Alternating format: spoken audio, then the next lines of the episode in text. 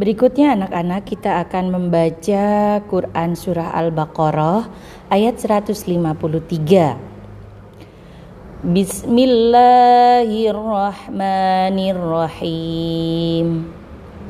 Ya ayyuhalladzina amanu ista'inu bis sabri was salah Innallaha ma'as sabirin. Mudah bukan? Nanti kalian praktek ya.